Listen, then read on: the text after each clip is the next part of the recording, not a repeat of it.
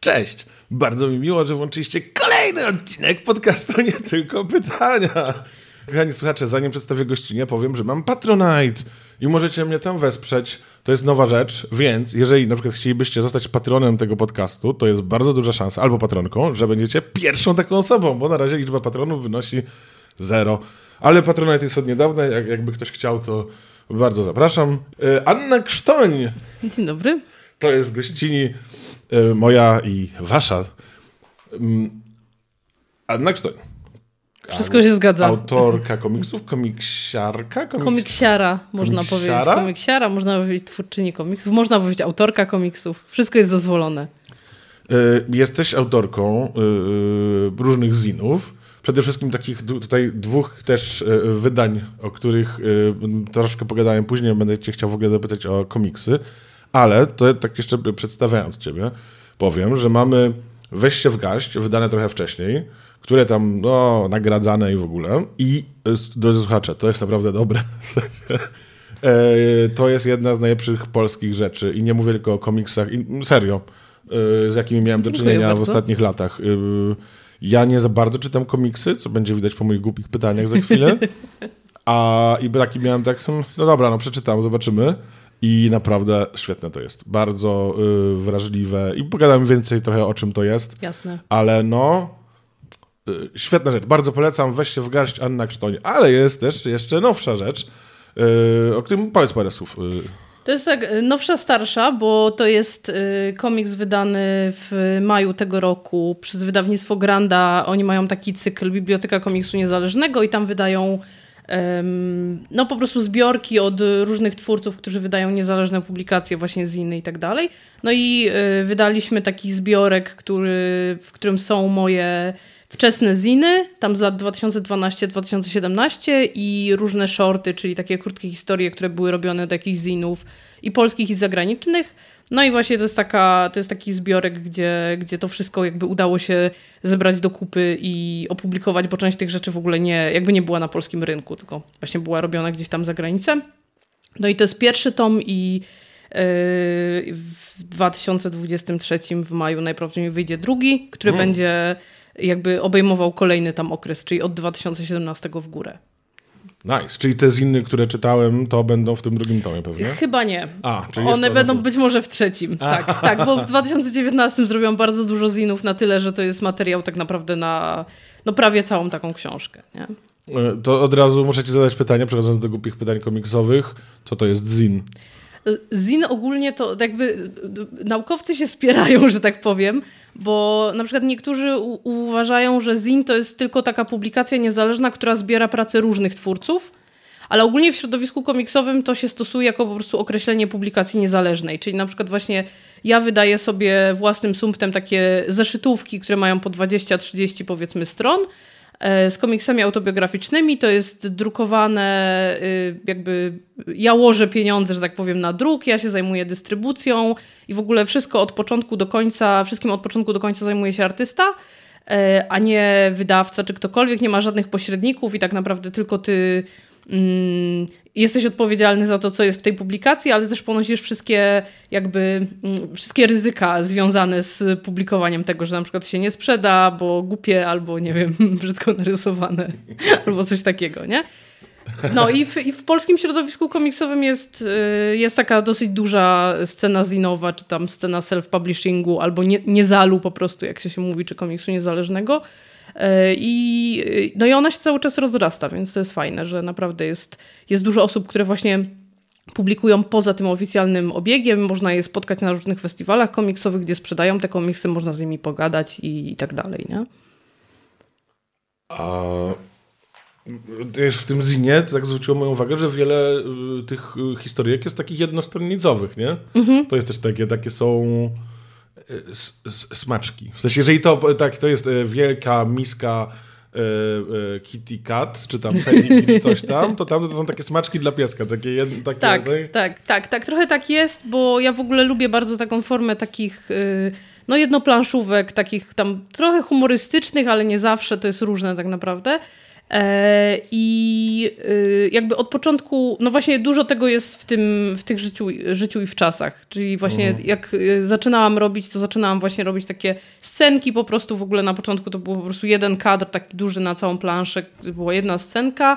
Teraz to już są tak, że widać, że to są komiksy, tak, a nie, a nie że to są jakieś tam scenki powiedzmy.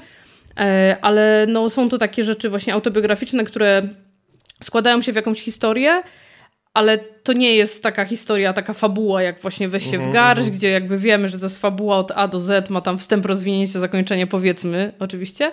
E, tylko rzeczywiście, że to są takie zbiorki. No natomiast e, ja to często robię na bieżąco, na przykład w czasie wakacji, staram się codziennie coś rysować i tak dalej, i później to wydaję na, na jesień, na festiwal. E, I osoby, które jakby czytają te ziny tak na bieżąco, no to widzą tam jakąś historię, że tam są jakieś takie wątki, które się pojawiają i które się ciągną od iluś tam lat, no bo powiedzmy, że no to jest autobiograficzne, więc jakieś tam wątki dotyczące związków, czy te same osoby też ze środowiska komiksowego się tam przewijają w tych paskach jako bohaterowie i tak dalej. Nie? No tak, no ja znam trochę osób, które ty też znasz i oczywiście poznaję tam. Tak. tak. Jana Mazura, też autora komiksów tam Tak, świetnie. tak. W sensie to, bo to jest, on tak wygląda jak u ciebie. To, No cieszę się, bo Jana Mazura jest trudno narysować. to jest bardzo piękny, to jest Tak. znane. Ale to naj, najtrudniej się rysuje właśnie takich ludzi, którzy są po prostu ładni, nie, nie jakoś tak super charakterystyczni. Czyli Bartka? Przybyszewskiego bardzo łatwo. No on jest charakterystyczny, to prawda, chociaż tam wiesz, d- ja pamiętam, że Bartek na początku mówił, że rysuje go tak jak Dema, więc jakby gdzieś tam, ale ja się z tym nie zgadzam, nie? No, więc no ja jakby, też się nie zgadzam. No. Nie. no u Bartka to po tych włosach widać. Tak, no już się nauczyłam go, go rysować po tych dwóch latach, nie? Tak, Bartek Przybyszewski y, z podcastu, y, podcastek zresztą, więc to... y, tak, jest, jest, jest tam obecny mój ulubiony komiks, ten o wiewiórce, tak? To jest o wiewiórce. tak. To jest 100% Bartka w Bartku. to już dawno temu dostawałem screeny ludzi. Tak, bo to jest takie bardzo obserwacyjne. Yy, potem podzielę się refleksją, że jak mówisz, że to są takie mm, yy, yy, historie, które tak pyk, pyk, pyk, są różne i gdzieś tam się układają w całą, to jakieś echa tego w tym weź się w garść też tam widzę. W sensie, że to jest, są takie yy, klatki z życia po kolei, które się tutaj się układają rzeczywiście w historię opracowaną, ale widać jakby to ten taki styl robienia Tak, tak, bo, no bo weź się wygarść jest tak, że jakby ono się tam rozgrywa na przestrzeni, nie wiem, 10 czy 12 lat, więc yy, siłą rzeczy ta historia jest w pewnym sensie fragmentaryczna, że skupia się tylko na, na, na tym wątku, powiedzmy, z tego życia, który opowiada, a nie na wszystkim, więc, więc tak, rzeczywiście tam czasami pomiędzy jakby kolejnymi mm, nie wiem, scenami jest jakby duża przestrzeń y, czasowa, tak? tak, tak. Ale dobra, y, komiksy, jak się robi komiksy, bo y, znaczy twórca komiksów. Słuchaj, pytanie, jak się robi komiksy, nie? Słuchaj, Skąd bierzesz czerp- kartkę. Skąd wyczerpiesz inspirację? Nie, e, e, no bo komiks jest taką trochę dziwną rzecz. Mam skojarzenie. Ostatnio miałem e, tutaj wywiad z e, moją siostrą, która się zajmuje capoeirą.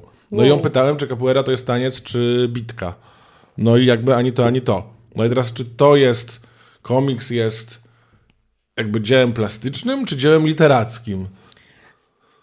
Zda, zdanie, zdania krytyków są podzielone. Ale ogólnie rzecz biorąc, no to właśnie jest czymś pomiędzy. I tak naprawdę, i dużo, wiesz, dużo osób na przykład twierdzi, że komiks ma y, bliżej do filmu, czy do kreskówki. W tym sensie, że jakby jest jakimś tam po prostu medium narracyjnym, tak? Opowiadasz, opowiadasz jakąś historię za pomocą, czy do storyboardu na przykład, tak? To, No. to tak naprawdę jest najbliżej. Bo opowiadasz po prostu historię za pomocą sekwencji, yy, sekwencji obrazów. Yy, no, są takie osoby, które twierdzą, że właśnie komiks jest bliżej literatury. Ja mam takie doświadczenie, na przykład, może to jest głupi przykład, ale z, mm, z jakichś takich przygód typu tam pisanie wnioski na stypendia, y, żeby dostać pieniądze na jakiś projekt i tak dalej, no to większość osób jak zgłasza komiks, to zgłasza komiks w kategorii sztuki wizualne, a nie w kategorii literatura, że jednak jest trochę łatwiej i trochę bliżej, bo jednak to mm, zanim przeczytasz historię, to widzisz obrazki.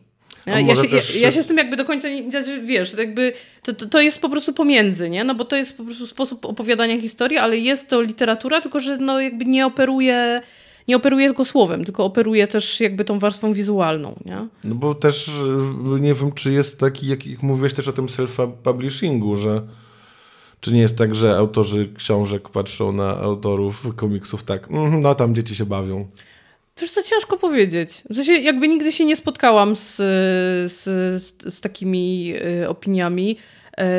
Y, bardziej się spotykałam z takimi opiniami od osób, które czytają głównie książki, że a tam ja nie czytam komiksów, bo coś tam, coś tam, ale to było dawno, tak? I jakby trochę już jestem, y, wydaje mi się, że w tym takim środowisku powiedzmy warszawskim i komiksowym i, i, i- literackim to nie ma trochę takiego spojrzenia na to, chociaż też jakby ja się obracam też w specyficznej grupie ludzi, którzy po prostu lubią komiksy siłą rzeczy e, i ciężko mi się do tego jakby odnieść, natomiast jakiś czas temu y, mm, miałam taką przygodę z takim projektem, który pewnie tam wystartuje za jakiś czas, że nawiązywałam po prostu współpracę i kontakt z różnymi pisarkami. No i raczej właśnie wszystkie tak podchodziły entuzjastycznie do, do tego pomysłu, że komiks, że coś tam, coś tam, więc jakby mm, na pewno są osoby, które patrzą na komiks z góry, ale wydaje mi się, że jest ich na przykład dużo, dużo mniej niż było 10 lat temu. Że było ta, tyle tytułów też na polskim rynku przez, ten, przez, to, przez tą ostatnie dek- ostatnią dekadę, które gdzieś tam em, przełamały się też do tych takich kręgów ludzi, którzy czytają głównie książki, na przykład Totalnie Nostalgia Wandy Hagedorn i Jacka Fronsia. To był taki, taki bardzo głośny feministyczny komiks, który tam chyba wyszedł na początku 2018 roku i on tak jakby zupełnie przeszedł też yy, w, i trafił też do tych ludzi, którzy zwy- zazwyczaj komiksów nie czytają, więc wydaje mi się, że te granice się już tak bardzo mocno zatarły. No też się w ogóle mówi o czymś takim jako e, powieść wizualna, tak? Powieść graficzna. Powieść no. graficzna, tak, nie? Tak. Przecież na, y, no, na liście 100 największych powieści w historii y, magazynu Time jest parę komiksów, nie? Więc Tak. to... Ja osobiście jednak uważam, że to jest bliżej literatury chyba niż... To znaczy, wiesz, sensie, to- bo wyobrażam sobie adaptację, tak jak film jest bliżej literatury, wyobrażam sobie adaptację filmu na książkę albo książki na film, nie za bardzo sobie wyobrażam adaptację obrazu na Mhm. No film. to prawda. Się, no, Chociaż by jakoś- był chyba taki no ten... tak, tak, no trzeba by to robić bardzo, wiesz, y, kreatywnie, tak? I tutaj tak by wyobrażam sobie, że można by sfilmować y, y, Weź się w garść na przykład, nie? Mhm. Tak, tak, tak. Trzeba by na pewno pozmieniać różne rzeczy, w sensie tak bardziej pod to medium, ale zasadniczo można, nie? Tak, tak, to na pewno. Zresz- Zresztą też mm, były przecież takie sytuacje, że tam, nie wiem, komiks był nominowany chyba do nagrody Bookera rok temu albo dwa lata temu. Także rzeczywiście też, też te środowiska literackie jakby no, uznają komiks, jak jest powiedzmy tam odpowiednio dobrze zrobiony, za, za coś takiego, co, co, co podchodzi do tej kategorii, nie? No wiesz, te- też ci powiem jako y, y, jakby od osoby, która mało czyta komiksów, do osoby, która no, dużo no, z- siedzi w komiksach, Sie- Siedzę tak. y, że dla mnie to jest też trudne na początku. Y, że muszę się jakby przestawić na to, to co to ja mam czytać czy oglądać, o co chodzi, w jakim tempie ja mam to robić, nie? Wiecie, że m- y, mógłbym przeczytać teoretycznie to pewnie, nie wiem, w półtorej godziny, gdybym tylko czytał po prostu byk, byk, byk, byk, byk, nie? Tak. A to nie o to chodzi. Tak. I, I jakby ja się muszę w ogóle nauczyć czytać komiks, to jest dla mnie też Ale też wiesz, dużo ludzi mówi na przykład tak, że czyta za pierwszym razem, to tak czyta głównie właśnie podążając za tekstem. Mhm. Em, a na przykład później wraca drugi raz, żeby sobie to tak przeczytać na spokojnie i tam obejrzeć te kadry i tak dalej. Chociaż też wiesz, jakby dobrze, dobrze zrobiony komiks, no, tak powiem w cudzysłowie, bo nie wiem, może się trochę mądrze, ale e, no jakby trochę co innego dzieje się w warstwie tekstowej, a trochę co innego dzieje się w warstwie wizualnej. One jakby się muszą ze sobą uzupełniać, nie? Jeśli masz na przykład komiks, gdzie wiesz, otwierasz i widzisz, że w, kadrze jest tam dymek, y, czy tam kwadracik z tekstem, jest napisane siedział przy biurku i nic mu nie szło i na rysunku masz gościa, który siedzi przy biurku i nie wiem, załamuje ręce, no to coś jest nie tak, tak? Bo jakby nie musisz tego mówić, jeśli możesz to pokazać i vice versa, tak? Tak, tak, to też tak jak się robi scenariusze, nie? W sensie, jeżeli postać parzy herbatę, to nie mówi parzę herbatę. tak, tak. Dokładnie. Tak. jest dużo takich smaczków w tych twoich komiksach, że tam się coś dzieje właśnie. Emocje głównie tam są gdzieś tam pokazane, nie? A w ogóle miałem cię też tak zapytać e, prowokacyjnie na początku, ale już straciłem okazję. To, to, to jakoś nie zapytam aż tak prowokacyjnie. Okej. E, No bo jest, o Jezus Maria, teraz mam wrażenie, że zadaję najbardziej typowe pytanie, jakie można zadać twórcy komiksu ever, ale że jest to no stereotyp taki, nie? W sensie, że komiks to będą albo superbohaterowie, albo coś dla dzieci, jakiś Kaczor Donald, nie? I czy ten stereotyp jeszcze jakoś, no chyba cały czas jeszcze funkcjonuje, nie? Znaczy pewnie tak, tak naprawdę to bardziej ty mi musisz powiedzieć, bo no, ja tak jak mówiłam, ja trochę już tak y, weszłam w to środowisko na tyle, że brakuje mi już takiego trochę oglądu, wiesz, osoby zupełnie z zewnątrz, która może powiedzieć, że a, to tylko kaczory Donaldy i tak dalej, albo właśnie tylko, tylko superhero. Wydaje mi się, że na przykład na polskim rynku wychodzi bardzo dużo takich komiksów obyczajowych, nie? I to jest y, super. I jakby no, na, na, pewno wiesz, osoby, które siedzą w komiksie, to y, czy, czy, czy, jako czytelnicy, czy w ogóle też jako takie osoby, wiesz, które tak z doskoku traktują komiksy. Nie, że tam właśnie siedzą tak jak my siedzimy, typu tam ja, czy, czy mój chłopak i tak dalej, że rzeczywiście czytamy, śledzimy na bieżąco to, co wychodzi. Naprawdę on bardziej. Ja czytam to, co on kupuje. Umówmy się, no niestety taka jest prawda ostatnio.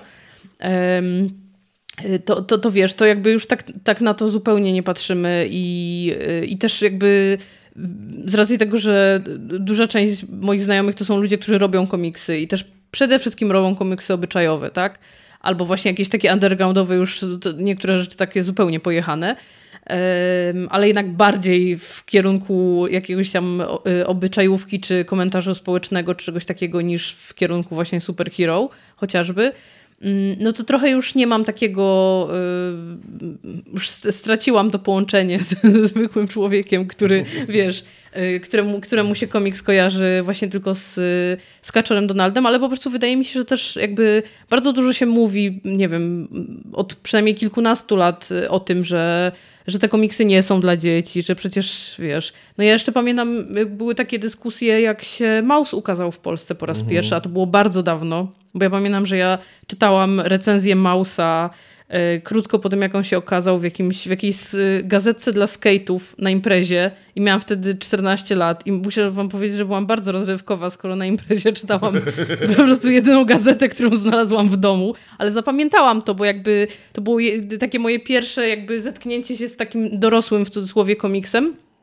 Yy, i to, i, to już było po tym, jak, tak mi się wydaje, że to już było po tym, jak Maus dostał tą nagrodę Pulitzera, więc jakby to, no, ta dyskusja trwa od, od dawna, ale wydaje mi się, że my już jesteśmy w Polsce na takim etapie, że no nie wiem, osoby na przykład, które czytają rzeczywiście mhm. książki i jakby śledzą nowości wydawnicze i tak dalej, no to wydaje mi się, że na stówę y, trafia, trafiają do nich komiksy. Mhm. Niezależnie od tego, czy te osoby czytają te komiksy, czy nie, ale na pewno trafiają do nich informacje, że są te komiksy. Zresztą przecież y, i w, i w polityce, i w magazynie książki też są recenzje komiksowe, też są teksty o komiksach, więc siłą rzeczy wydaje mi się, że już tak ten komiks już trochę tak został zaakceptowany jako, jako po prostu część, y, powiedzmy, jakaś, jakaś tam gałąź literatury, tak?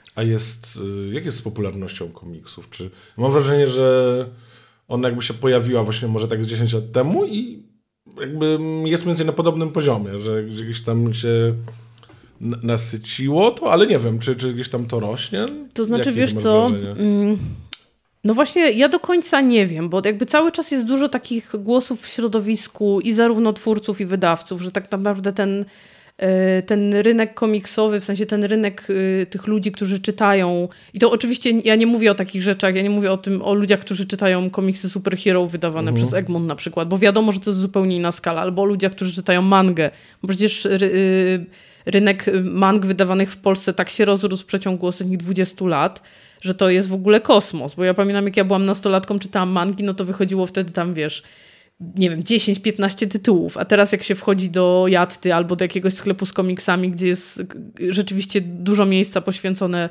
mandze, no to to są takie ilości, że to jest wow, naprawdę, nie? Że jest tego cała masa. Nie? Jatta to jest ten sklep przychmielny? Yy, on jest chyba przy Kruczej.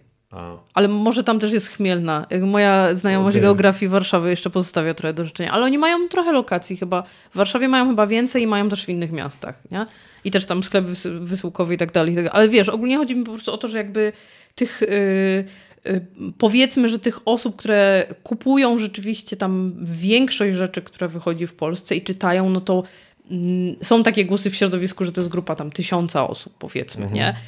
I ja na przykład nie wiem, czy ona rośnie. Mnie się wydaje, że ja na przykład widzę, jeśli chodzi o odbiorców moich zinów, czyli mhm. taki, taki jakby zupełnie moje osobiste doświadczenie jest takie, że tych ludzi, którzy czytają jest coraz więcej. Ale ja też drukuję, wiesz, małe nakłady, bo ja tam drukuję zazwyczaj 200, maksymalnie 300 sztuk, nie? Ale to jakoś tam schodzi. Więc jakby są... Yy, i, i, I tych ludzi jest coraz więcej, I też, ale też wiadomo, że to, że wydałam tam jeden album, drugi album, nie, to sprawia, że trafiają do mnie ludzie, którzy na przykład, wiesz, przeczytali Weź się w garść i tam dowiedzieli się na przykład, że o, że ja robię też ziny, więc po prostu znajdują mnie na jakimś festiwalu komiksowym, żeby kupić te ziny, nie? Mhm. Ale ogólnie to, no właśnie, ciężko powiedzieć tak naprawdę. Wydaje mi się, że może to będzie, może będziemy to w stanie ocenić bardziej tam w przeciągu, nie wiem, następnych pięciu lat, powiedzmy. Mi się wydaje, że ta grupa rośnie, ale ona chyba rośnie powoli, bo nakłady takie klasyczne nakłady takich komiksów, powiedzmy polskich komiksów wydawanych w Polsce, no to jest pomiędzy tam powiedzmy 800 do 2000. Nie? Mm. Więc to, to nie są wysokie nakłady, co nie? To są takie bardziej kolekcjonerskie, chciałoby się powiedzieć, tak? No tak, właśnie, no bo to yy, takie mam, tak, trochę moje pytanie jest o to, czy nie jest tak, że yy, komiksy czytają inni komiksiarze.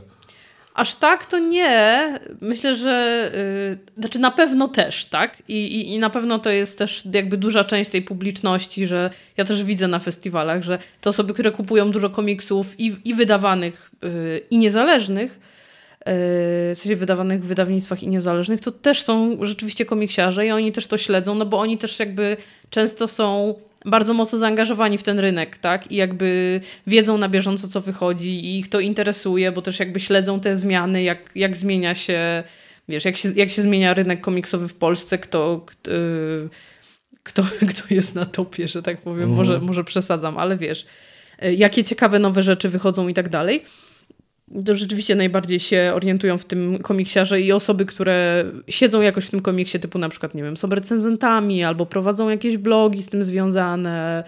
Yy, ale wiem, że nie tylko, nie? Że, że, że to nie jest tak, że to jest, że to jest jedyna grupa i też wydaje mi się, że no nie wiem, czy byłoby stać komiksiarzy, żeby kupowali aż tak naprawdę wszystko, co wychodzi, tylko też każdy ma taką niszę. Ja też na przykład śledzę, wiesz, komiksy, nie wiem, yy, i autobiograficzne, i jakieś właśnie takie obyczajowe, które wychodzą najbardziej, bo to jest jakby to, co mnie najbardziej interesuje, co nie? No to troszkę poruszyłeś ten temat, znowu z cyklu banalne pytania, które wszyscy zadają artystom. Da się żyć z pisania komiksów, jeżeli się nie jest yy, twórcą Spidermana? Y, da się, da się. Jest trochę takich ludzi w Polsce, którzy z tego żyją, y, ale jest to, y, no, jest to skomplikowane. W sensie jakby mm, wydaje mi się, że nie ma zbyt wielu osób, które zajmują się tylko i wyłącznie tym. Tak naprawdę wiesz. Takie osoby, które. No bo ja na przykład się utrzymuję głównie z rysowania i teraz akurat mam taki czas, powiedzmy tam od nie wiem, dwóch lat czy półtorej roku, że głównie tak naprawdę robię komiksy. Od czasu do czasu mi się zdarza, że zrobię jakieś ilustracje, ale przede wszystkim zajmuję się komiksami. I na przykład robię komiks w odcinkach dla Kosmosu dla dziewczynek mhm. razem z Sebastianem Frąckiewiczem. On pisze scenariusze, ja to rysuję i my to robimy już, nie wiem, chyba od 2017. I, I jeszcze jakieś tam inne drobne zlecenia też robię takie, które są cykliczne. No ale ogólnie to właśnie wiesz, wszyscy, którzy się tym, czy tam większość osób, która się tym para, to szuka też jakichś dodatkowych rzeczy, właśnie na przykład albo pracuje w animacji, są też takie osoby, które pracują w kulturze, mhm. są osoby, które robią storyboardy, są osoby, które ilustrują książki albo pracują w game devie. Mi się wydaje, że y, jest, jest rzeczywiście grupa takich osób, które głównie są skupione na rysowaniu i głównie, głównie są skupione na rysowaniu komiksów i ja jakby też, też w tej grupie jestem, ale to nigdy nie jest tak, że to jest, wiesz, na przykład 100% tylko robię swoje projekty, nie? Mhm, no nie, mhm. bo to już, bo to już jest, się wtedy robi bardzo skomplikowane, dlatego że no nie wiem, albo po prostu jesteś bogatym człowiekiem i nie musisz się o nic martwić, ale teraz czasy są trudne tak naprawdę dla każdego, tak? Więc jakby no bo wiadomo, inflacja, wszystko jest strasznie drogie i tak dzisiaj kupiłam rzodkiewki, marchewkę zapłaciłam 7 zł, także super. E, no naprawdę. E, więc jakby nie jest, nie jest lekko. E, natomiast jak, jeśli, jeśli chcesz się utrzymywać właśnie tylko ze swoich projektów, to albo musisz tego robić naprawdę bardzo dużo, mhm. i po prostu cały czas ktoś musi być, kto chce to kupować, albo szukasz sobie jakichś takich powiedzmy alternatywnych źródeł finansowania, czyli na przykład starasz się o jakieś stypendia, e, twórcze. W sumie nie wiem, jakie są jeszcze inne. No ja na przykład teraz robiłam komiks przez półtorej roku, który był... E, ja go rysowałam, on był napisany przez, przez takiego Brytyjczyka, który się nazywa Benjamin Dixon. I on jakby zdobył dofinansowania na ten komiks z British Art Council, nie? I po prostu jakby ja mogłam się skupić półtorej roku na rysowaniu tylko tego, a on mi po prostu płacił za każde tam 10 stron, które narysowałam właśnie z tych pieniędzy, więc jakby to jest o tyle trudne, że komiks jest bardzo czasochłonny, więc mm. jeśli chcesz się poświęcić swojemu projektowi powiedzmy w 100%, czy tam w 80 nawet, nie? no to musisz mieć na to jakieś pieniądze z jakiegoś alternatywnego źródła, albo właśnie robisz po prostu tak, jak robią niektórzy, że robisz to po godzinach, ale wtedy ten czas się, no tak. po godzinach pracy, ale wtedy ten czas się bardzo wydłuża no więc to jest takie trochę, wiesz, yy, no ale też jest dużo, yy, no właśnie pomijając jakieś tam, tak jak mówiłam, magazyny, gazety, które tam czasami zamawiają jakieś rzeczy cyklicznie, no to też zdarzają się jakieś takie rzeczy typu, nie wiem, jakaś instytucja zamówi komiks i mhm. ten komiks będzie no, dobrze płatny, no bo jest zamawiany przez instytucję, która ma jakieś tam właśnie dofinansowanie służb. I Na, nawet nawet nie musi być o żołnierzach wyklętych. No wiesz, na, nawet, nawet nie musi być w tej tematyce, chociaż oczywiście takich rzeczy też jest dużo, ale też są jakieś takie historyczne y, rzeczy, na które może jest troszkę łatwiej dostać pieniądze i tak dalej. No i to jest, wydaje mi się, że cała sztuka polega na tym, żeby po prostu jakoś to pogodzić ze sobą, tak? Bo ja z jednej strony chcę robić swoje śmieszne autobiograficzne komiksy, mhm. a z drugiej strony chcę przynajmniej raz na jakiś czas zrobić taki komiks, za który jest taka kasa, że że mogę, mogę przeżyć. Właśnie dlatego dużo ludzi na przykład pracuje w animacji, czy robi storyboardy, mhm. nie? No bo jakby mm, po prostu muszą mieć tą alternatywę, a to cały czas jest rysowanie, więc to cały czas jest blisko tego, no tego tak. pierwotnego zainteresowania. No nie? Kasia Mazur tak robi, nie? Y, Kasia Mazur, tak, Kasia Mazur pracuje w, albo pracowała, nie wiem czy tam się coś nie zmieniło, w animacji. Y, Marcin Podolec, który y, publikuje bardzo dużo komiksów i on jest bardzo, bardzo pracowity i ma taką popularną serię Y, komiksów dla dzieci, no to on ma w ogóle, on założył w ogóle studio animacji, nie? więc też tam pracuje. Y, Śledziu i tam y, chyba Tomasz Leśniak też pracują w, w studiu animacji. Oni robili tam tego Kajko i Kokosza, który był na Netflixie, więc jakby no jakoś trzeba to, to sobie zrównoważyć, tak mi się wydaje. Nie? Idealnie by było, gdybyśmy po prostu mogli robić tylko i wyłącznie swoje komiksy cały czas, ale to też pewnie trochę rozleniwia, nie? że jednak jest potrzebne takie trochę wyzwanie, żeby zrobić coś nowego. Nie? Tak, no wiesz, no ja też chciałbym żyć z tego podcastu. Ale no, nie, no. nie Słuchajcie, Patronite'a mam. E, no tak, ale wiesz, jakby rzeczywiście, no to nie, nie jest wcale takie łatwe, nie? Tak. Ale wiesz, na przykład y, Kasia Babis robi, y, robi komiksy dla Amerykanów, bo on robi komiksy dla, dla chyba dla Macmillana, dla jakiegoś y, tam, czy albo robi komiksy, albo robi ilustracje do jakichś edukacyjnych książek, czy czegoś takiego. Więc jakby jest, jest dużo tych, tych opcji, tylko no, takie życie freelancera wiadomo, że jest trudne i mm. wymaga jakiejś tam determinacji, no bo są takie momenty, że nagle nic, nie masz żadnych zleceń, nie zarabiasz żadnej kasy, nagle masz w cholerę zleceń, wszystkie w tym samym momencie, więc no to no, no nie jest to najłatwiejsze, nie? Może tak. Jak się robi komiksy, to co to znaczy? W sensie, bo, bo teraz przed chwilą mówiłaś o tym, że ktoś pisze scenariusze, a ty tylko mhm. rysujesz. No to to jest też jakby autor komiksu to jest ten, kto narysował, ten, kto napisał, to jest zazwyczaj razem. Jak ty robisz? Dużo pytań w jednym. Yy, ja robię tak, że albo może od początku. Yy, to wszystko zależy tak naprawdę co, nie? No bo jak sobie weźmiesz komiks superbohaterskie, to tam zazwyczaj pisze inna osoba, rysuje inna osoba, koloruje inna osoba, a czasami jest w ogóle tak, że yy, ktoś robi szkic, a ktoś robi tusz a ktoś robi typografię jeszcze osobno, tak? A ktoś to potem jeszcze koloruje, więc jest to bardzo dużo osób naraz. W, ty, w tym, co ja robię, to ja albo robię sama, albo robię czasami ze scenarzystami. Mhm. E, może kiedyś też będę robiła z rysownikami. Na razie miałam chyba jedną tylko taką przygodę, że zrobiłam zina z e, innym rysownikiem, z Tomkiem Kaczkowskim. Natomiast y, ogólnie wydaje mi się, że jeśli chodzi o komiksy wychodzące w Polsce, to albo jest tak, że jedna osoba robi wszystko, jak na przykład nasz przyjaciel Jan Mazur, tak? Od, od A do Z on robi rzeczy. I przy okazji podpala saunę. I, przy okazji podpala saunę, ale tam chyba nie robił komiksów akurat. E, albo y, no właśnie są to jakieś duety. Ewentualnie czasami są to y, też jeszcze jest dodany kolorysta, a na przykład właśnie, nie wiem, jak był ostatnio, znaczy jakiś czas temu wydany komiks tam Rycerz Janek, który właśnie pisał Jan Mazur z Robertem Sienickim, rysował Igor Wolski i kolorował Spell. Więc i to była, to była taka sytuacja, że były cztery, cztery osoby robiły mm. razem komiks, ale na przykład E, no nie wiem, chociażby ta wspomniana już przeze mnie totalnie nostalgia, nie? No to Wanda Hagedorn e, napisała, a Jacek Frońś narysował i ona zresztą wydała jeszcze jeden komiks z Olą Schmidą, z rysowniczką, więc jakby no, na, na tym naszym rynku jest tak, że zazwyczaj to, to jest albo jedna osoba, albo dwie, mhm. ale to też nie jest zasada, tak? No ale wiesz, przeważnie no albo ktoś pisze scenariusz, albo ty piszesz scenariusz. Powiedzmy, że chcesz zrobić komiks. No to tam wymyślasz, Piszesz sobie scenariusz. O takim, ja bym wymyślił, o takim super przystojnym, prowadzącym podcastu, który ma wszystkie pieniądze świata, wszystkie kobiety go pragną i ratuje ludzkość przed zagładą. No I jeździ szybkimi samochodami. Fantastyka jest popularnym gatunkiem, Nie, słuchaj. nie, to byłoby bardzo realistyczne.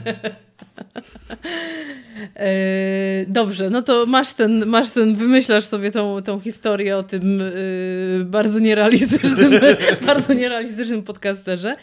E, I, no i te, jakby piszesz to sobie i decydujesz, czy ty, czy ty chcesz to narysować, czy na przykład oddajesz to jakiemu, jakiemuś innemu rysownikowi. I też z tego co wiem, to praktyki są różne, bo czasami na przykład jest tak, że scenarzysta się zgłasza do wydawnictwa i no nie wiem, wydawnictwo na przykład uznaje, że to jest super scenariusz i hej, pomożemy ci znaleźć rysownika, nie?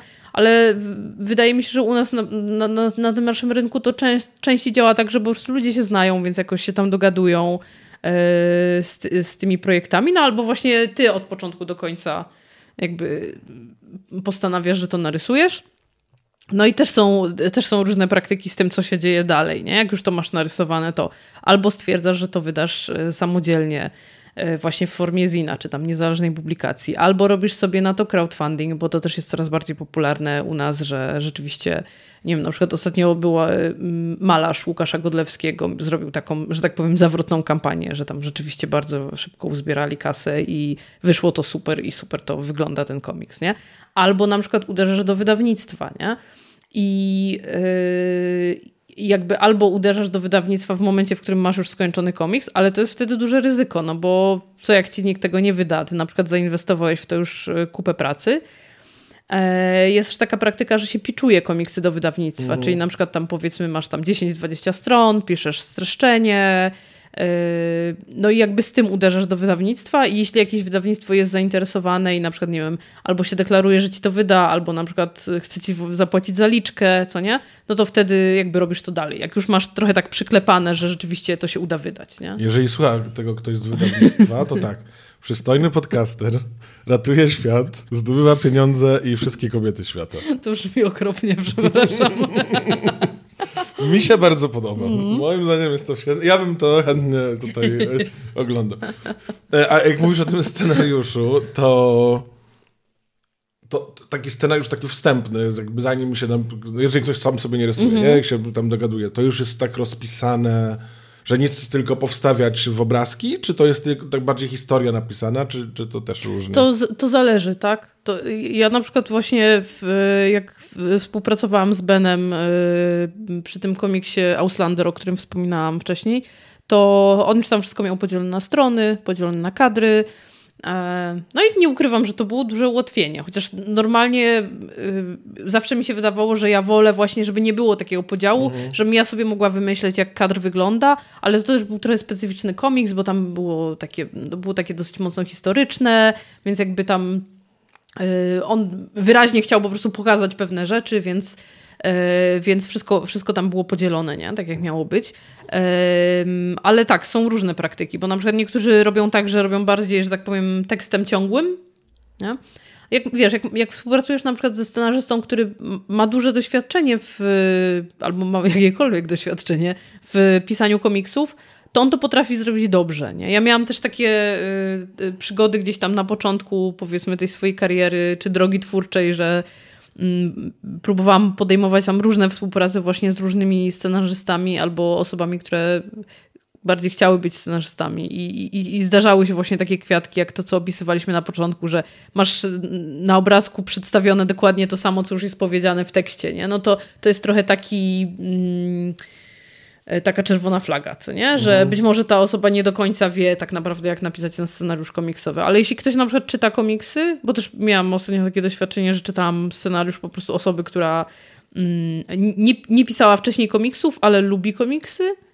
I to był super napisany scenariusz, że wiesz, że było po prostu widać, że ktoś rozumie tą mechanikę komiksu, ktoś rozumie, jak to działa i yy, no i, i, po prostu wydaje mi się, że jeśli to czujesz, to, to jesteś w stanie to dobrze napisać, nie?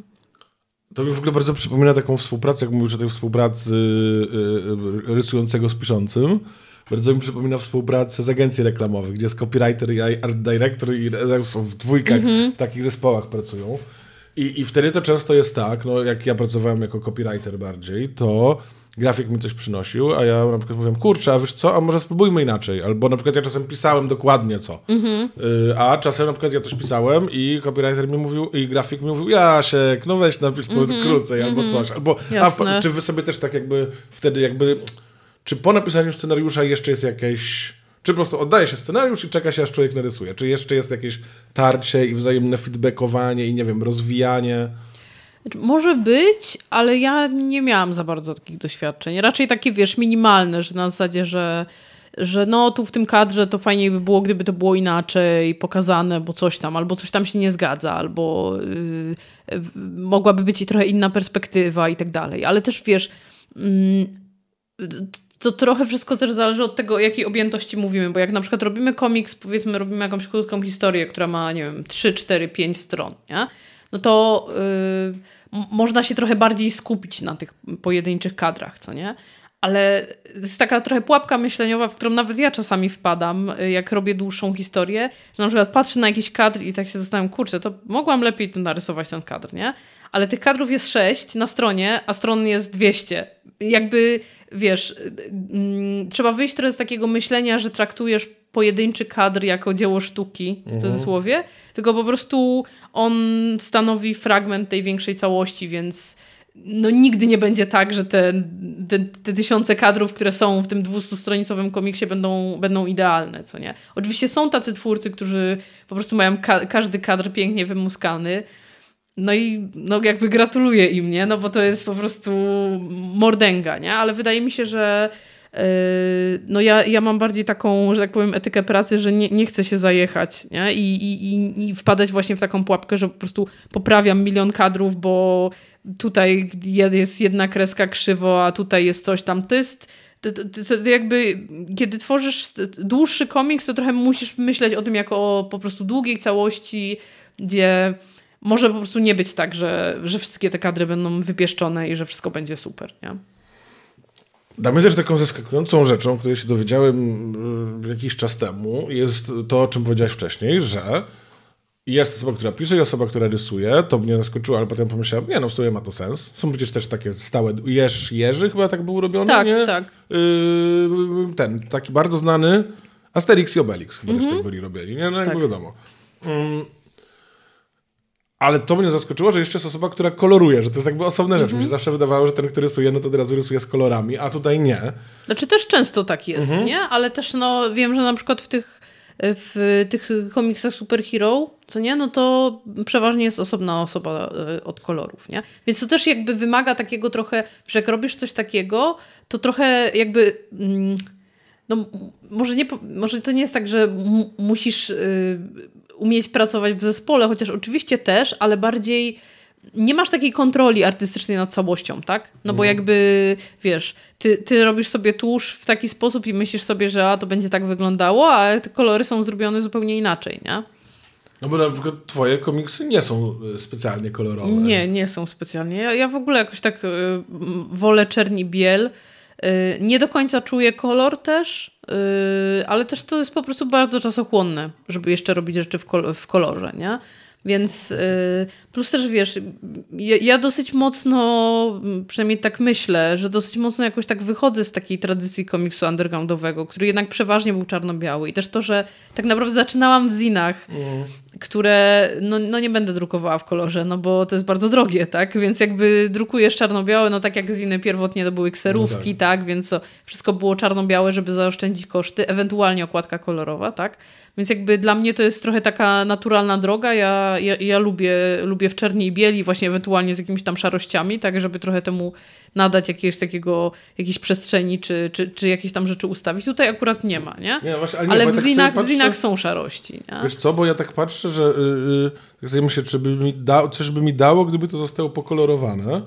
I chcę, chcę tak spojrzeć i chyba nie. W sensie jakby, No. jeżeli chodzi o odbiór jakby a, a, a, odbiorcy dzieła sz- artystycznego, nic by mi to nie dało chyba. To znaczy, wiesz, bo to jest tak, że y, jak, jak rysujesz pod kolor, to rysujesz inaczej, bo rysujesz od razu z myślą, że to będzie jeszcze pokolorowane. Jakiś czas temu robiłam y, taki komiks y, z moją przyjaciółką Kasią Dziergaczow do scenariusza Tomka Kątnego i y, ona to kolorowała i to było jakby od początku robione, rysowane z myślą, że to będzie jeszcze kolorowane, więc wiadomo, nie daje tam takich plam czerni, jak na przykład jest weź się w garść. Nie staram się tak tego ustawić w samym rysunku, dlatego że wiem, że zrobi to kolor, nie? I, I zresztą ona i tak mi tam potem pisała, że i tak te rysunki są jakby na tyle szczegółowe, że mm, no, ona nie robi tak szczegółowego koloru jak zazwyczaj, bo po prostu to nie jest potrzebne zwyczajnie w tym, nie? Więc, no, więc po prostu inaczej się trochę rysuje, jak masz to w głowie, że to nie będzie kolorowe, nie? A słuchaj, z takich technicznych rzeczy, przyszła mi do głowy rzecz y, trochę zupełnie, tro, trochę zupełnie inna, słuchaj. Mhm. Y, czy gdzieś online masz jakiś, nie wiem, swój sklep? W sensie na przykład, gdyby ktoś chciał, no bo jeżeli ktoś by chciał kupić te dwie, no to kupi, no bo to są przez Tak, wydawnictwo wydane i spoko. Ale te ziny na przykład da się jakoś wejść, nie wiem, na aniakrztoń.pl.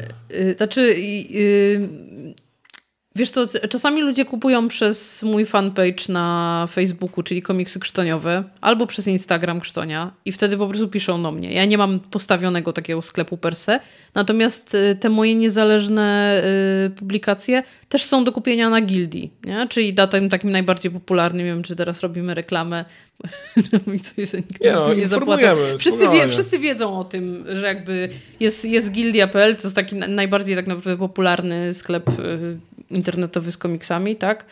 E, I, no i oni jakby, że tak powiem, no wspierają też tych niezależnych twórców, bo też kupują od nich te, te rzeczy, że mo można kupić też w takim, powiedzmy, zazwyczaj większość ludzi jak kupuje komiksy, to kupuje tam, nie? Więc jakby to, to jest tak naprawdę wszystko w jednym miejscu, ale ja też, yy, ja też czasami sprzedaję jakby te swoje rzeczy yy, przez po prostu internet, bo ludzie czasami na przykład chcą z wrysem, czyli wiesz, z autografem i małym rysuneczkiem i tak dalej, więc jakby Rysujesz to wtedy... takie siusiaki. Nie. Nie, no kiedyś tam narysowałam jakieś siusiaki, ale to chyba było na, na życzenie. A skoro już mówimy o reklamowaniu gildii, to... Myślałam, że powiesz, skoro już mówimy o siusiakach. Nie, nie. To mam coś do pokazania! Nie, skoro już mówimy o reklamowaniu y, tej gildii, to chciałem pozdrowić sponsora dzisiejszego odcinka, Kakao Kopuchatek. Pozdrowienia dla Klocucha. Nie, nie ma sponsora dzisiejszego odcinka. Sponsorem możesz być ty, jeżeli tam patronat, Ja wiadomo. chciałam się zapytać, czy kakałko Puchatek naprawdę jest sponsorem. Nie, nie, nie. nie. Mm. Nie, to jest, to jest żart Klocucha, on kiedyś tam wrzucał, y, że tam... Nie, sponsoruje Kakao Kopuchatek. Yy, dobra, yy, głupie jakieś off-topiki. Mm, z technicznych rzeczy. Jak jest napisany taki scenariusz, no to on się składa z literek. I te literki są na kartach. I teraz kto wprowadza te literki? Rysownik je rysuje? E, Wiesz co, to zależy. No ja na przykład sama rysuję swoje literki. No bo ty w ogóle sama sobie rysujesz, nie? Tak. E, Wydaje mi się, że zazwyczaj rysownik albo właśnie osobna osoba, która się zajmuje tylko tym, nie? Robi dy- albo robi, albo wiesz, rysownik robi dymki i ktoś wprowadza do nich typografię, albo w ogóle osobna osoba robi dymki. Wydaje mi się, że zazwyczaj jest tak, że rysownik robi dymki i ewentualnie osobna osoba wprowadza typografię, bo to też nie zawsze jest takie łatwe. W sensie, żeby to zrobić ładnie. Mi się też nie zawsze udaje.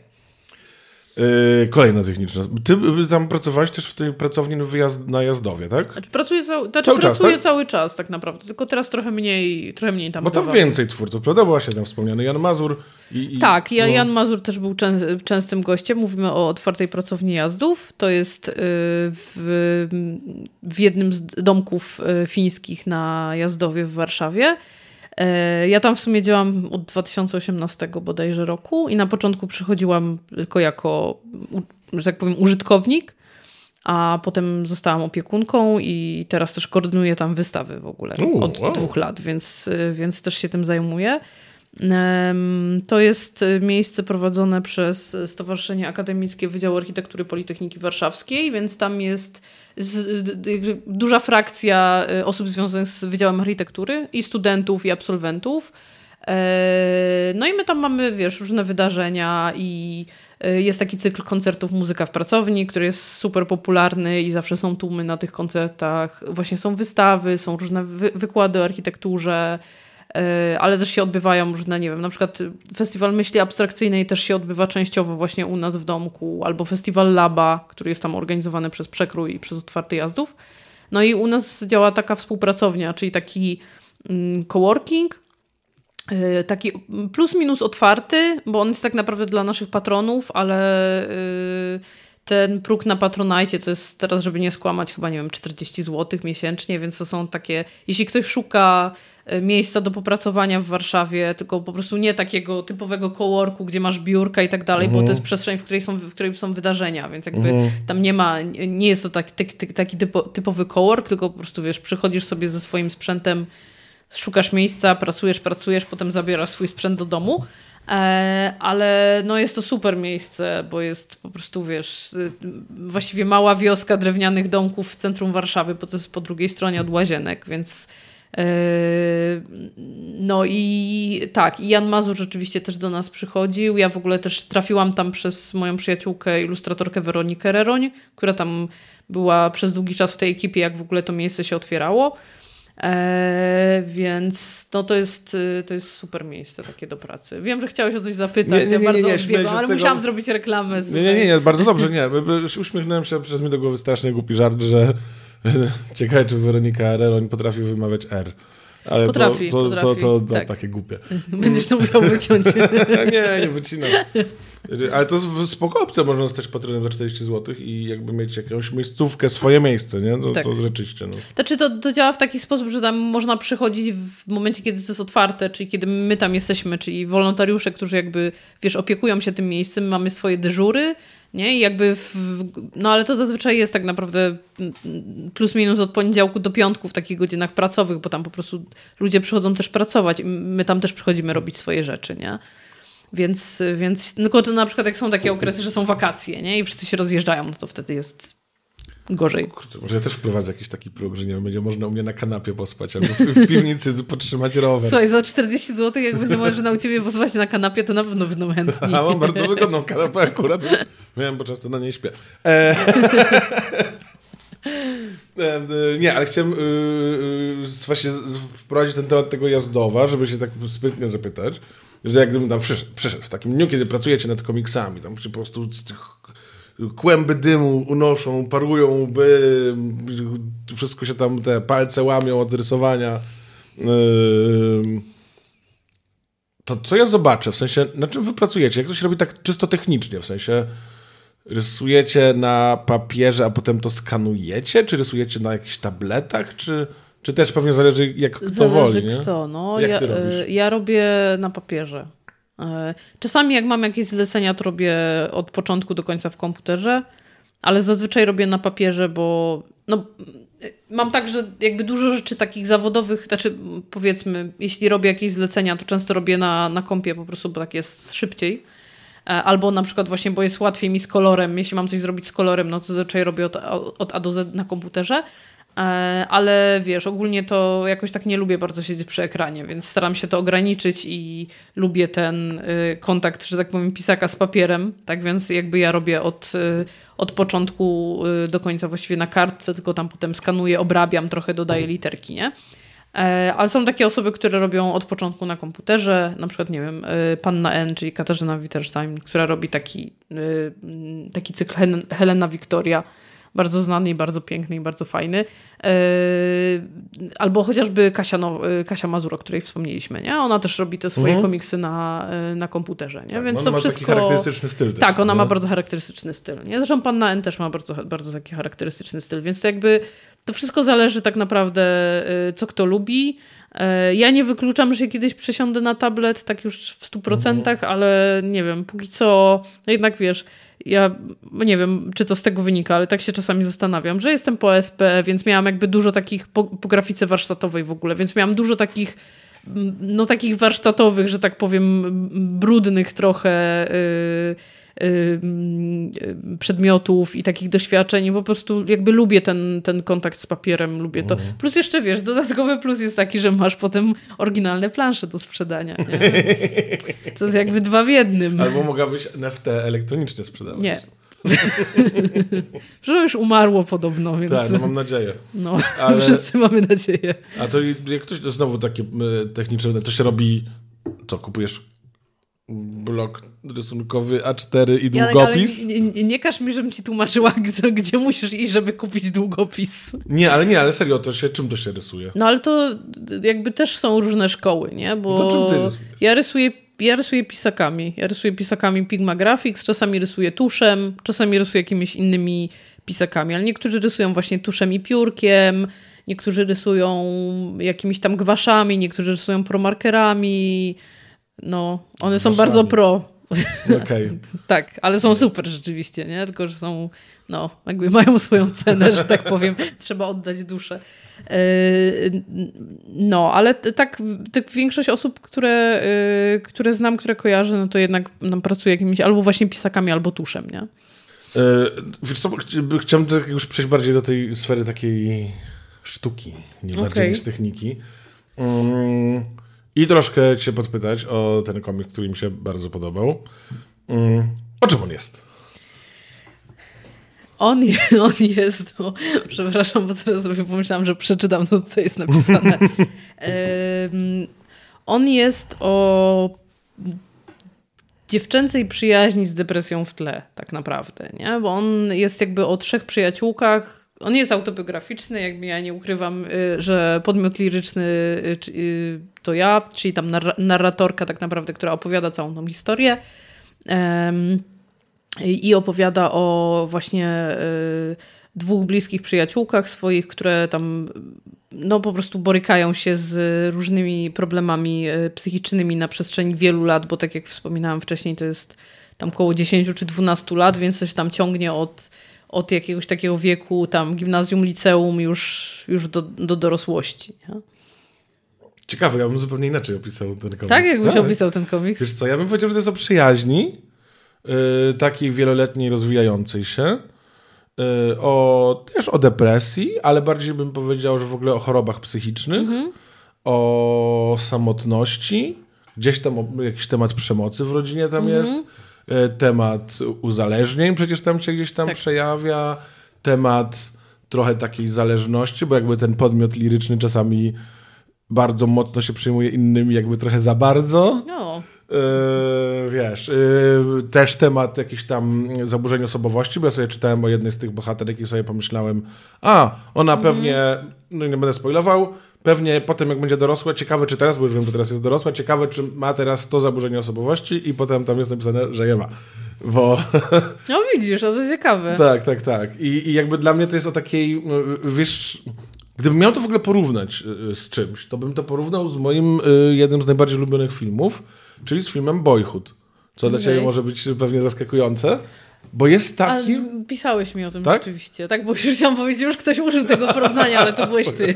Że wiesz, po pierwsze masz jakby długą historię, no bo to się kończy teraz właściwie, tak? A zaczyna jak jesteście nastolatkami, się tam poznajecie epistolarnie. Y, ale są tak, po prostu takie fragmenty życia, takie tak jak ten boyhood, po prostu pokazuje, właśnie w tym sensie wcześniej mówiłem, że nie widzę tak bardzo wstępu, rozwinięcia i zakończenia, bo one są takie, jakie są.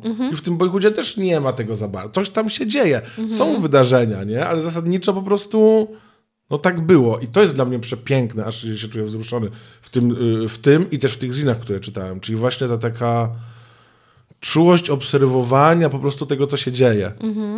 Że yy, Słuchajcie, yy, odpo- chyba ja powinienem cię no pytać, a nie gadać. Ale Słuchaj, że, że jak... Lejesz miód na me serce, co mam powiedzieć. Wiesz, na przykład jak w tych zinach są jakieś takie historie, że na przykład jest y, takie, wiesz, mm, no tam siedziałem ze znajomymi, ktoś coś powiedział śmiesznego i długo się śmialiśmy. I to jest takie... y, Bardzo ładnie to opisałeś. bo jest sporo Tak, takich, tak, nie? dokładnie tak. I one czasem jakby nie są specjalnie śmieszne w tym sensie, że y, jakby to nie jest Raczkowski, że ja to czytam mm bekę, tylko to jest dla mnie bardzo fajne, takie wrażliwe obserwowanie tych sytuacji. Dla mnie to jest pokazanie tych sytuacji. A no tak, faktycznie jest tak, jak się idzie z ukochaną Zoą na spacer po parku, to faktycznie ma się takie żarty. W sensie, Mhm. i, I to jest coś więcej niż też tak mam. Jest jakaś taka fajna ta czułość w obserwowaniu rzeczywistości. I to jest to, co mi się podobało, że ta... Ja miałem wrażenie, że ta depresja była w tej historii, bo była. W sensie, że to Mhm. nie jest jakby o depresji. Tak, to znaczy ona była jakby trochę takim spoiwem, które... y, Spoiwem, które spoiło, uwaga. Mhm, Jestem, jestem geniuszem scenopisarstwa. Spoiwem, które spoiło tą historię. E, bo y, trochę jakby. Znaczy, ja się ogólnie zgadzam z wszystkim tym, co powiedziałeś. Dziękuję. E, I. e, mm, Wydaje mi się, że powiedziałeś to samo, co ja, tylko dłużej, tak plus minus i bardziej rozbudowane. Y, Dla mnie też y, depresja była przede wszystkim tematem, kiedy ja to robiłam, bo tak naprawdę te zaburzenia osobowości, które ty tam wytropiłeś w trakcie, no to ja ich nie wytropiłam, bo ja ich wtedy nie znałam w ogóle jeszcze jakby tych zagadnień, jak robiłam ten komiks. Nie? I to rzeczywiście wyszło coś, co, było coś, co wyszło potem. Więc y, mm, trochę jakby chciałam mieć taki punkt, y, jakiś taki, y, taką nić, która będzie prowadziła przez tą historię. Nie? I właśnie tą, tą nicią są te, są te choroby psychiczne, czy te, te zaburzenia psychiczne, bo jakby na tym się przede wszystkim skupia ta historia, tak plus minus, oczywiście w tych wyrywkach, w których to widzimy przez lata, a nie na przykład na związkach, tak? W sensie te związki są tam jakby dodatkiem, nie? I tak. w ogóle ca- tak naprawdę całe życie jest, jest dodatkiem do tej przyjaźni, która się właśnie przeplata z tą, e, z tą chorobą, nie?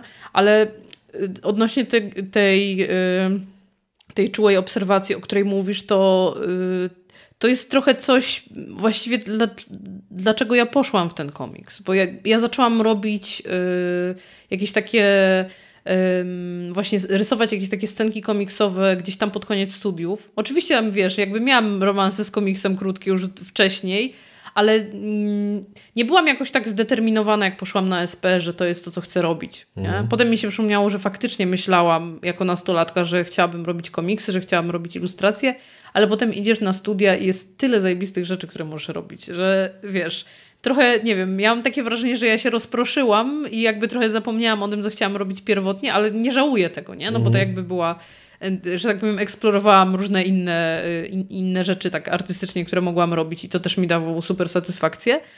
Em, Natomiast y, właśnie gdzieś tam pod koniec studiów zaczęłam rysować takie scenki i pokazałam to mojej wy- wykładowczyni z ilustracji, pani Annie Machwic i ona właśnie mi tak trochę mm, była pierwszą osobą, która powiedziała, że a, że masz fajny dar obserwowania rzeczywistości, nie? I, i, i wiesz, i tak naprawdę to dlatego te moje komiksy tak trochę wyglądają, jak wyglądają, że to po prostu poszło, poszło w tą stronę, że mm, ja mam takie uczucie, że najfajniej mi się właśnie tworzy rzeczy, które są jednak oparte na rzeczach, które się wydarzyły naprawdę i, i też lubię to, lubię tą po prostu obserwację właśnie. To też jest coś takiego, że przychodzi falami, że na przykład jak robię rzeczy do zinów, mm, które są właściwie w całości tym, są w całości takimi właśnie znajomi siedzą i się śmieją, tak? I y, albo, albo się nie śmieją, tak swoją drogą to też.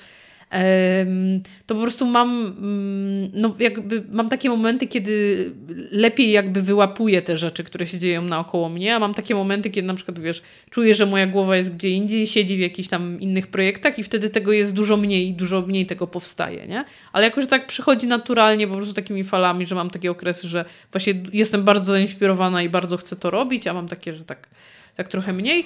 A a w przypadku Weź się w garść to też było trochę tak, że no ja miałam taką dużą potrzebę, żeby opowiedzieć tą historię, bo ona gdzieś tam we mnie siedziała i trochę nie dawała mi e, spokoju. I też moment, kiedy ja zaczynałam pracować nad tym komiksem, to był taki moment, w którym ja z jedną z tych bohaterek w ogóle nie miałam kontaktu, nie? I to było dla mnie bardzo trudne i jakby nie wiedziałam trochę, co się dzieje i trochę mm, ja zresztą często tak robię, że jak mam jakieś takie, nie wiem, okresy, że tak powiem, burzy i naporu, że są jakieś rzeczy, z którymi sobie nie radzę w życiu i tak dalej, to próbuję to właśnie przelewać w jakieś y, historie. E, no i, i, i, tak, i, tak, było z tym komiksem, że po prostu stwierdziłam, że najpierw to miało być krótkie, to miało mieć tylko 10 stron i to miał być taki mały zinek, e, ale tak dobrze mi się nad tym pracowało, że stwierdziłam, że mhm. chcę w to iść i chcę opowiedzieć tą historię i chcę, mhm. chcę zobaczyć. I to wszystko było takie bardzo też jakby organiczne, dlatego na przykład wiesz, z perspektywy czasu widzę, że tam scenariuszowo niektóre rzeczy mogły być lepiej zrobione, czy coś tam, nie? Ale to była moja pierwsza taka długa forma i... Mm, jak na razie jedyna. I, i, przepraszam. Się śmieję, ale tak naprawdę płaczę wewnętrznie, bo chciałabym znowu zrobić coś długiego, ale nie za bardzo się umiem do tego zabrać. E, być może, być może to będzie mój jedyny tego rodzaju komiks, być może już się skończyłam, tylko jeszcze o tym nie wiem. E, natomiast zależało mi na tym, żeby to, żeby w tej historii było coś takiego, co właśnie, co będzie czymś więcej niż po prostu, wiesz, Y, nie wiem, jakieś, jakaś nawet śmieszna albo nawet czuła opowieść o przyjaźni, mm. tylko żeby to jednak miało jakieś znaczenie, że jak już, okej, okay, jakby yy, deklaruję się, że robię taką długą historię, że poświęcę na to, bo ja to trzy lata prawie rysowałam, mm. nie? że poświęcę na to tyle czasu, to zależy mi na tym, żeby to było jednak yy, jakimś głosem, tak? Żeby to do, dotyczyło jakiegoś takiego, jakiegoś ważnego tematu. No właśnie ta depresja, czy te, te, te zaburzenia psychiczne były, były ten Mm, były, były tym tematem i, i, wydaje mi się, że to się udało w jakiś sposób, bo cały czas tak naprawdę mi się zdarza na, na festiwalach, pomimo tego, że jakby ten komiks miał premierę w 2018, tak, bo to co mamy tutaj to jest, mhm. to jest drugie wydanie, mm, to cały czas mi się zdarza, że przychodzą ludzie, którzy wiesz, jakby dzielą się swoimi historiami, nie? Albo mhm. piszą do mnie ludzie, którzy się... Też w ogóle po węgierskim wydaniu też, bo też no. ten komiks był wydany na Węgrzech w 2021 i po węgierskim wydaniu też tak było, że yy, właśnie z, z Węgrzech, yy, z Węgier? Mhm. Mm, z Węgier yy, parę osób napisało na Insta właśnie, że, że to było dla nich ważne i że nie wiem. Tak, także to, że, to, że, to, że ty, tyle takich głosów właśnie do mnie dotarło, to jakoś mnie tam przekonało, że, no, że to była dobra decyzja, że poszłam właśnie tym, tym tropem. Nie? Mhm. No, tak, rzeczywiście jest coś takiego, że ja powiem ci tak, jak ja to czytałem, miałem po prostu dużo przyjemności, dużo takiego relaksu, w sensie trudno mi się było od tego oderwać, bo właśnie były to takie obserwowanie rzeczywistości, mm -hmm. te, te relacje, ale też jakby sporo rzeczy z tego można wynieść i moim zdaniem nawet nie tylko do, do depresji, bo to też, to jest, mm -hmm. jakby, to jest taka oczywista rzecz, ale też trochę co do tej przemocy, co do obserwowania takich rzeczy, co do w ogóle jakiegoś utrzymywania kontaktów. Jedna rzecz zwróciła moją uwagę mocno i zastanawiam się, na ile tak jest, bo jakby na ile wiesz, że tak jest, mm -hmm. że w tej historii prawie w ogóle nie ma ciebie. Y, tak. Ty tam jesteś bohaterką i tam nie ma twojego życia, bo sama mówisz, jakby specjalnie to nie było o innych tematach, ale tam jest na przykład, o to, to bardzo uderza i to też mi daje do myślenia, mm -hmm. jak bardzo ty tam żyjesz problemami innych, nie? Mm -hmm. Że tam mhm. po prostu, że tam po prostu całymi dniami nie możesz przestać myśleć o tym, że ktoś inny ma problem. I ciekawi mnie to. To znaczy, wiesz co, y, ja wiem, wiem o tym rzeczywiście, bo już trochę osób też zwróciło mi wcześniej na to uwagę, że tak jest. I to jakby był taki celowy zabieg, nie? Bo też trochę... Mm, no wiadomo, że to nie jest tak, że ja spędziłam 10 lat martwiąc się o moje przyjaciółki i nie miałam y, żadnego życia bo miałam to życie, tylko po prostu to życie jest tutaj nieważne, nie? W sensie jakby ono jest, y, ono jest drugoplanowe, dlatego że y, no, moim celem jakby było opowiedzenie historii tych relacji, nie? Więc mhm. tej, tej, tej relacji z tymi, z tymi osobami, więc jakby y, to odchodzi, ale to też odchodzi trochę po to, żeby nie rozpraszać, żeby nie było tak, że teraz nagle 30 stron dygresji o moim związku, tak? Jakby ja widzę tą w jakimś, znaczy wiadomo, że też y, wydanie tego komiksu, czy zrobienie tego komiksu pozwoliło mi tak trochę tą historię mhm. ubrać w jakąś taką ramę fabularną, powiedzmy, więc ja w ogóle teraz to widzę jako taki, wiesz, jak myślę o tym w kontekście swojego życia, to widzę to jako jakiś taki, powiedzmy, jeden z wątków, ale to też pozwoliło mi trochę pomyśleć o innych wątkach, które się działy równocześnie, jako po prostu o zupełnie innych historiach, które można opowiedzieć, wiesz, w zupełnie inny sposób i w zupełnie innym komiksie być może, nie? Ale e, tutaj po prostu trochę nie miałam, takiej, nie miałam takiej potrzeby, żeby to tak bardzo rozdrabniać, żeby to się nie zrobiło takie, że to jest, no trochę jest o tej przyjaźni, a trochę jest o, nie wiem, jakimś tam związku, że to się nagle zrobi takie, wiesz, nie wiadomo co, nie? Tak. Jednak zależało mi na tym, żeby to było tak plus minus klarowne, e, o co chodzi, nie? Tak, no bardzo słusznie, bo to byłoby nie o tym. To, to by Tak, było, ale nie? to też, wiesz, jakby niezależnie od tego, jak się starasz, no to i tak każdego nie przekonasz, bo też były takie głosy, potem pamiętam po premierze, że ktoś tam napisał, że a, że to jest taki sobie pamiętniczek, w którym tam nic nie ma, nie? Wiesz co, y, tak jak mówiłem, Boyhood jest jeden z moich ulubionych filmów i też niektórzy mówią, że tam nic nie ma, a ja uważam, Okej. że tam jest wszystko. Mm. A jeszcze mnie ciekawi, y, zaraz przejdziemy do, do, do Mhm. drugiego tutaj, do tych zbioru zinów, ale e, no bo to jest historia prawdziwa. I to na pewno, jakby czytając to, nie ma się Mhm. wątpliwości, że to jest mniej lub, że to jest tak 90% prawdy, pewnie coś tam musiałaś y, no, ulepszyć na potrzeby narracji. No to jakby co z prywatnością tych osób? Znaczy pomijając to, że oczywiście się nazywają tak, jak się nazywają i tak dalej, i tak dalej, no to y, ogólnie rzecz biorąc to y, ofiar nie było. E, Zresztą jedna z bohaterek y, była w ogóle zaangażowana dosyć mocno w tworzenie tego komiksu i tam mi że tak powiem, pomogła ułożyć w ogóle timeline tych rzeczy, które się Aha. wydarzyły i tak dalej. I to też, znaczy ja też jakby miałam jakieś tam listy, te, y, tą starą korespondencję, od której w ogóle te przyjaźnie się zaczęły, która też mi gdzieś tam pomogła pewne rzeczy ustawić w czasie. Eee, ale ogólnie rzecz biorąc to, y, no one były ok z tym, że ja robię ten komiks. Mm, i obie chyba były zadowolone, znaczy chyba, tak mówię, że chyba były zadowolone, no tak mi mówiły, że są zadowolone z tego, co się, z tego, co się stało, z tego, jak ta historia została opowiedziana, E, Chociaż tam w przypadku y, historii Igi, to tam jest tak naprawdę bardzo dużo rzeczy mm, no, niedopowiedzianych do końca, bo one wyszły już długo tak naprawdę po, po zrobieniu tego komiksu, nie? Więc już...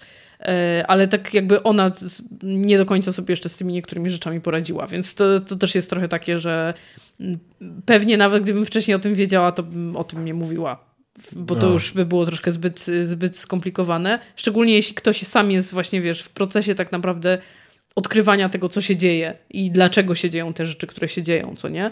No natomiast yy, natomiast yy, z tego, co pamiętam, to właśnie po premierze to ob- obie były zadowolone i właśnie Iga też tam mówiła, że jej to dała, dało to w ogóle trochę takiego kopa do tego, żeby coś tam Mhm. pozmieniać, czy zacząć pracować nad rzeczami, więc jakby w tym sensie, yy, znaczy wiesz, ja, jak, jakby miały jakiś, yy, jakiś problem z tym, no to ja bym tego nie opublikowała, no bo to wiadomo, że to No tak, jednak. Nie? A, a wy ma- macie kontakt teraz jakoś? Tak, tak, no? cały czas. Chciałbym je poznać, w sensie, to jest, wiesz, tak jakbym chciał poznać y, bohaterów filmu, nie? Ale to... mógłbyś poznać i się nie zorientować, nie? Że to są one. Chociaż No, część, y, tam część znajomych się zorientowała w pewnym momencie, jakby co do tożsamości tam Ta, no, niektórych no, postaci. No. Zapytałbym, co ja mieszkałeś kiedyś w kraju arabskim i już bym wiedział. Czy... Ale, Ale nie pytaj tak wszystkich moich koleżanek.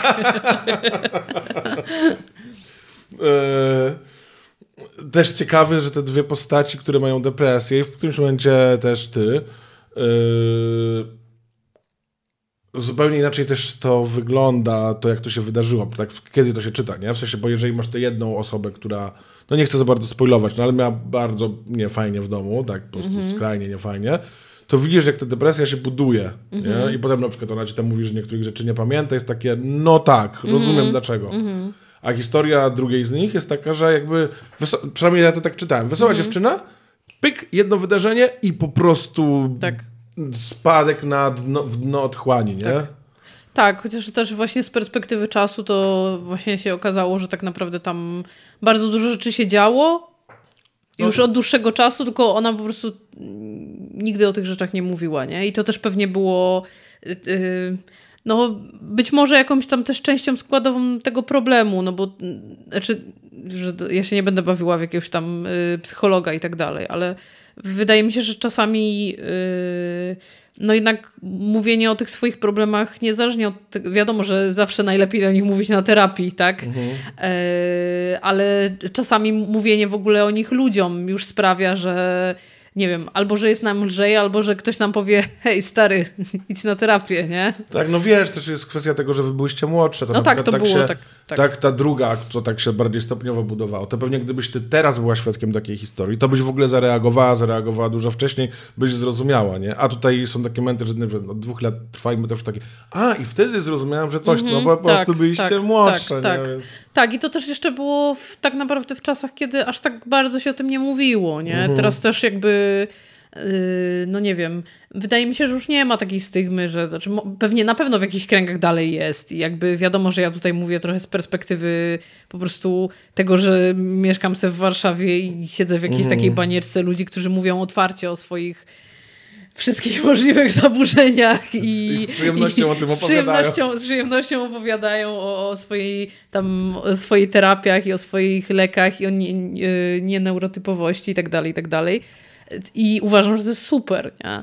Ale jakby rozumiem, że to nie wszędzie tak działa i też no nie wiem, jakby ja mam takie wrażenie, że y, ja mam pewnie trochę już spaczony mózg przez to, że robię od 10 lat komiksy autobiograficzne i, i widzę to czasami, że mi się po prostu wydaje, że, że to po prostu nie jest, to nie jest big deal, że ja, wiesz, zrobię komiks o tym, nie wiem, że miałam jakiś tam epizod depresyjny czy coś takiego, ale potem się łapię na tym, że któraś z moich przyjaciółek przyznaje mi się tak naprawdę właśnie do czegoś, co się dzieje w jej życiu, czy do czegoś, co się działo w jej domu, czy coś tam i że to jest wielki deal dla niej, że ja jestem tam jedną z trzech osób na świecie, która o tym wie, wiesz, i dla mnie to jest cały czas, te, te, teraz na tym etapie to jest już dla mnie po prostu zaskakujące, bo mi się wydaje, że ja już gdzieś tam zburzyłam trochę tą taką barierę pomiędzy tym, co jest prywatne, a a wiesz, to jest jak wrzucanie nagich zdjęć na Insta, tylko że nie, tylko że to takie bardziej emocjonalne, nie? Jakiś tam ekwiwalent powiedzmy Tak. tego. No wiesz, no też mam, y, mam podobnie, nie? że i- tu w moim podcaście gadałem o jakichś moich problemach ze zdrowiem psychicznym i też byłem gościem w jakichś podcastach. Bo wiesz, facet, który opowiada o tym, że chodzi na terapię, what? zabierzmy No. go do wszystkich podcastów. I jakby mam już takie... To nie jest problem, żebym komuś o tym powiedział, nie? Tak, Ale- masz dużo, odcin- dużo odcinków tak, Tak. naprawdę, w których ten temat jest poruszany, Tak, też właśnie z, z facetami, nie? Tak, tak, tak.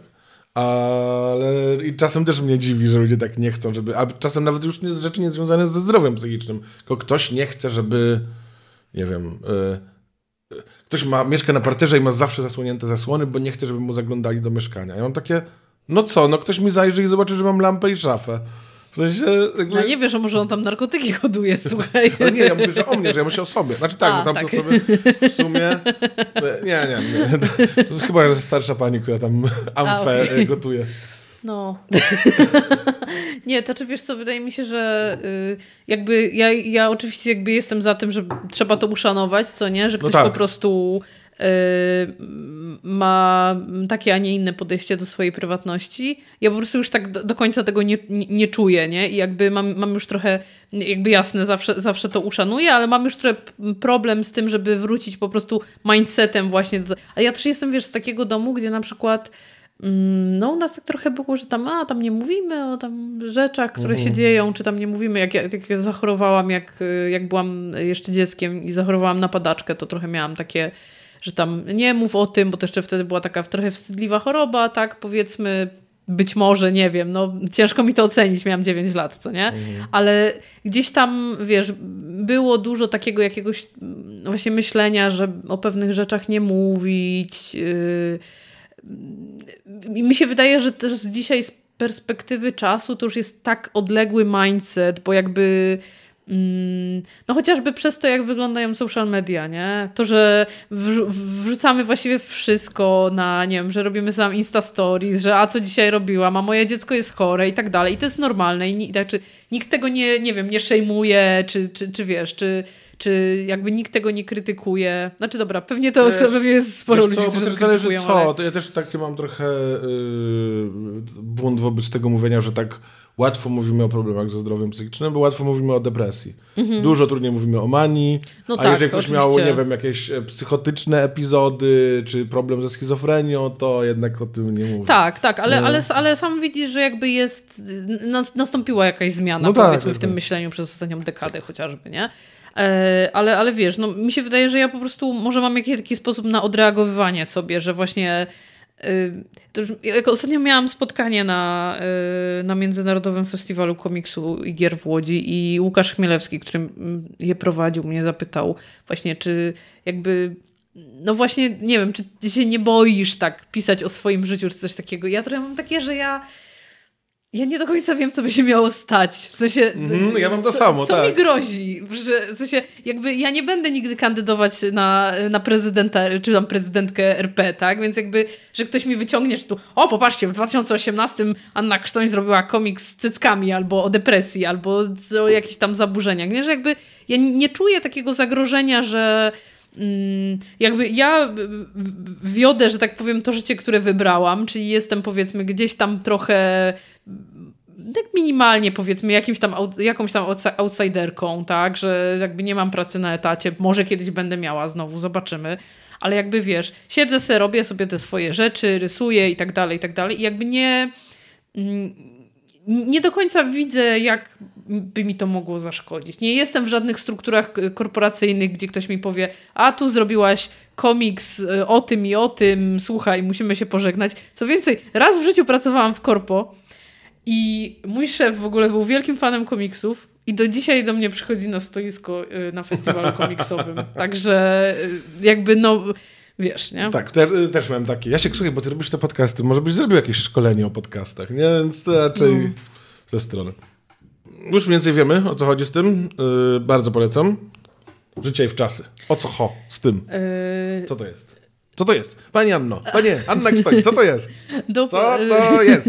To powiem, powiem plus minus to, co powiedziałam na początku, nie? że to jest yy, zbiór, yy, zbiór moich pierwszych zinów, czyli tam od 2012 do 2017, nie wiem, tu jest chyba z 6, tak mi się wydaje.